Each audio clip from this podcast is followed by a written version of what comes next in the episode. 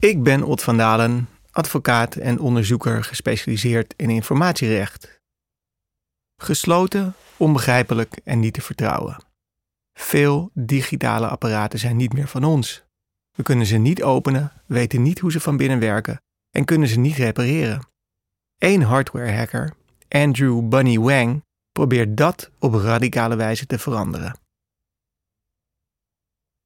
Bijna alle digitale apparaten die we gebruiken zijn niet te begrijpen. Als een black box. Ze zitten potdicht, je weet niet hoe ze werken en je bent er nooit zeker van dat ze doen wat de fabrikant zegt. Neem een telefoon. Repareren is vaak moeilijk, de bouwtekeningen zijn niet openbaar en zonder dat je het weet sluizen sommige apps privéinformatie weg. Ondertussen zijn we omringd door zoveel van die black boxes dat het moeilijk voor te stellen is dat het ook anders kan. Toch is er één elektronica-expert die producten bouwt met een compleet andere filosofie: radicale openheid.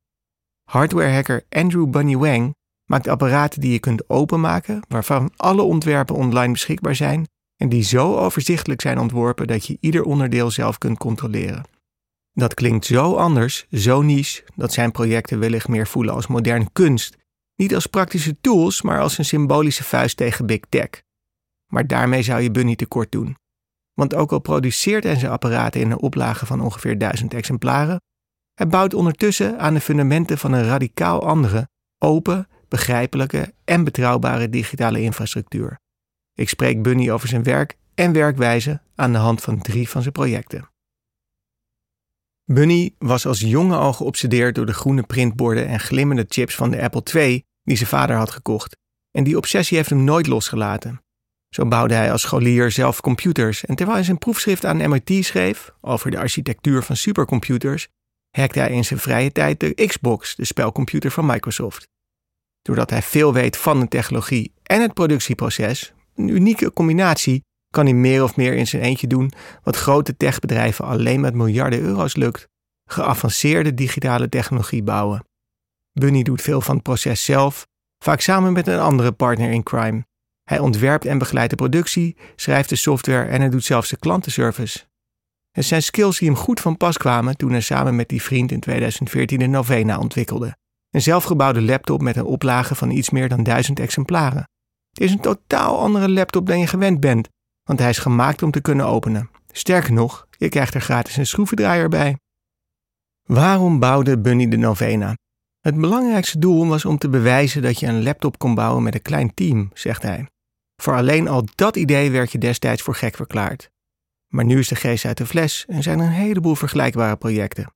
Ik ben blij dat we nu een ecosysteem hebben waarin dit soort plannen mogelijk zijn, al dus Bunny.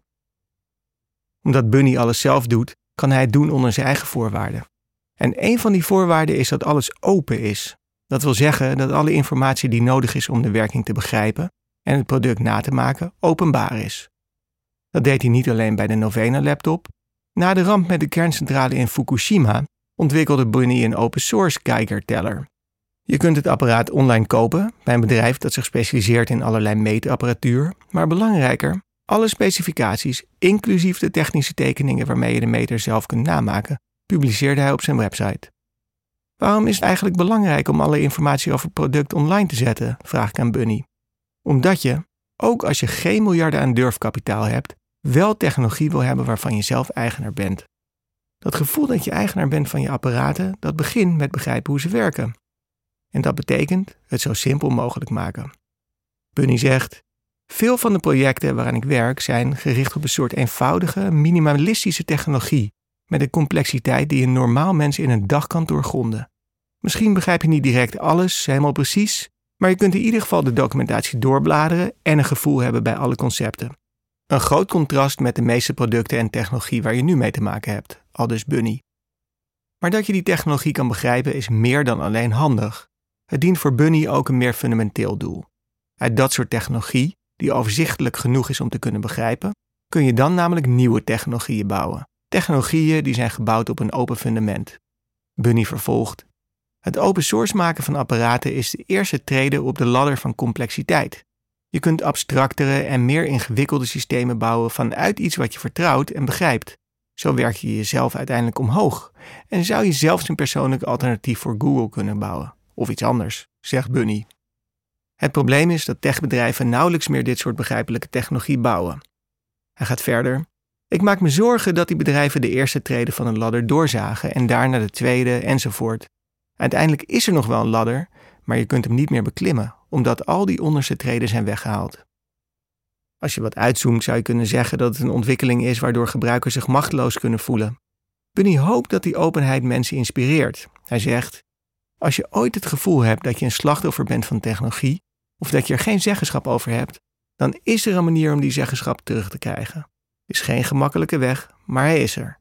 Je zit nog niet opgesloten in de vier hoeken van je apparaat. Bunny heeft inmiddels veel ervaring met het bouwen van apparaten, vaak in fabrieken in China. Hij heeft mooie boeken geschreven over de innovatie rond het hart van de Chinese elektronica-industrie, Shenzhen. Maar zijn ervaring in China maakt hem ook duidelijk dat openheid niet een oplossing is voor alle problemen rond de blackbox. Want zelfs als je een apparaat kunt openmaken en zelfs als je beschikt over alle bouwtekeningen, dan nog heb je een fundamenteel probleem. Want hoe weet je zeker dat het apparaat ook doet wat je denkt dat het doet? Met andere woorden, hoe kun je het apparaat vertrouwen? Als je er goed over nadenkt, blijkt het antwoord behoorlijk complex volgens Bunny. Het is echt belachelijk, zegt hij. Maar we hebben eigenlijk geen manier om te weten of onze chips zijn wat ze zeggen dat ze zijn. Het is letterlijk een zwarte doos. Iedereen kijkt naar de buitenkant van de doos, leest de letters die erop staan. En als die overeenkomen met wat er op het vel papier ernaast staat, dan zeggen ze: ja, dit klopt. Maar binnenin kan een compleet andere chip zitten. Dat klinkt misschien als een academisch probleem waar je fijn over kunt filosoferen met hackernerds, maar het heeft voor iedereen praktische, vergaande gevolgen. Zo hadden sommige SD-kaarten die Bunny in Shenzhen tegenkwam minder opslagruimte dan op de buitenkant stond. En als je die dan weer verwerkt in miljoenen telefoons, kan je je voorstellen dat bedrijven veel geld mislopen. Die onzekerheid over de werking van chips is er ook bij veel ingewikkeldere systemen, waar het niet eens gaat over economische belangen, maar over zaken als de nationale veiligheid. Hoe weten we bijvoorbeeld zeker dat de routers in ons telecomnetwerk niet stiekem een lijntje hebben met een buitenlandse geheime dienst? Het is een serieuze zorg, want geheime diensten passen elektronica daadwerkelijk aan om te spioneren. Bunny geeft een voorbeeld. Edward Snowden lekte een heleboel documenten die duidelijk de hackerskills van de Amerikaanse overheid lieten zien. De overheid kan bijvoorbeeld ongemerkt chips verstoppen in USB-kabels en zo draadloos informatie wegsluizen, zegt Bunny. Dat er een achterdeurtje zit in een chip is ondertussen heel moeilijk vast te stellen. Je zou de chips van één router aan een grondig onderzoek kunnen onderwerpen met een krachtige microscoop. Maar dat is een project van honderdduizenden, zo niet miljoenen euro's. Waarna die chips de prullenbak in kunnen, omdat je ze in kleine plakjes hebt gesneden om de werking te begrijpen. En dan heb je de andere routers in je organisatie nog niet eens gecontroleerd. Terwijl één onveilige router voor een aanvaller genoeg is om bij je netwerk in te breken. Nee, het probleem ligt dieper. Bunny legt het uit. De vraag gaat niet alleen over veiligheid, maar ook over vertrouwen. Het gaat terug naar een fundamentele vraag. Wat betekent het om iets te vertrouwen? Als je zegt dat je een iPhone vertrouwt, vertrouw je het apparaat dan echt omdat je weet wat erin zit? Of vertrouw je het alleen vanwege de reputatie van de leverancier? Bij mensen kon je de afgelopen millennia je vertrouwen vooral baseren op reputatie. Maar bij technologie kun je je vertrouwen ook baseren op verificatie. Dat wil zeggen, ik kan een slecht persoon zijn, maar je hoeft me niet te vertrouwen om toch mijn technologie te gebruiken. Want je kunt je vertrouwen baseren op verificatie aan de hand van natuurkundige beginselen, zegt Bunny. De afgelopen jaren werkte Bunny daarom aan een nieuw apparaat, een volgende bouwsteen in zijn project om een alternatief fundament voor onze digitale maatschappij te ontwikkelen. Dat apparaat, genaamd de Precursor, doet maar één ding: je wachtwoorden opslaan. De keuze voor zo'n digitale wachtwoordkluis is bewust. Wachtwoorden zijn namelijk enorm belangrijk en je hebt ze voor vrijwel alle online diensten nodig. Om zoveel verschillende wachtwoorden voor al die verschillende diensten te onthouden, gebruiken veel mensen een online wachtwoordmanager. Maar die hebben volgens Bunny een groot nadeel. Hij legt uit: de wachtwoordmanager is zelf een enorm doelwit. Je hebt de inloggegevens van vele miljoenen mensen opgeslagen op één plek. En de organisatie die de plek beheert, is een commercieel bedrijf met duizenden werknemers. Uiteindelijk zal een grote dienst of een beveiligingsincident hebben of zich tegen zijn gebruikers keren. En dan beseffen we dat we al ons vertrouwen in deze aanbieder hebben gesteld. Vertrouwen dat dan onherstelbaar is beschadigd. Volgens Bunny is de oplossing dus de precursor, een veilige wachtwoordkluis. Geen centrale opslagkluis, maar een apart apparaatje dat goed versleuteld is. Maar Als je al je wachtwoorden toevertrouwt aan een apparaat, dan wil je wel zeker weten dat het apparaat de wachtwoorden niet wegsluist. Dat je het apparaat kan vertrouwen met andere woorden. En zo liep Bunny tegen het meest ingewikkelde probleem van zijn carrière aan. Want waar baseer je dat vertrouwen op? En dat is ook waar de echte innovatie zit. Het apparaat is zo ontworpen dat je alles kunt inspecteren. Bunny legt uit: als je een aanbieder of de productieketen niet kunt vertrouwen, bouw dan technologie eromheen die je nog steeds het gewenste niveau van vertrouwen biedt. Door die aanpak lijkt over alles nagedacht. Neem het toetsenbord.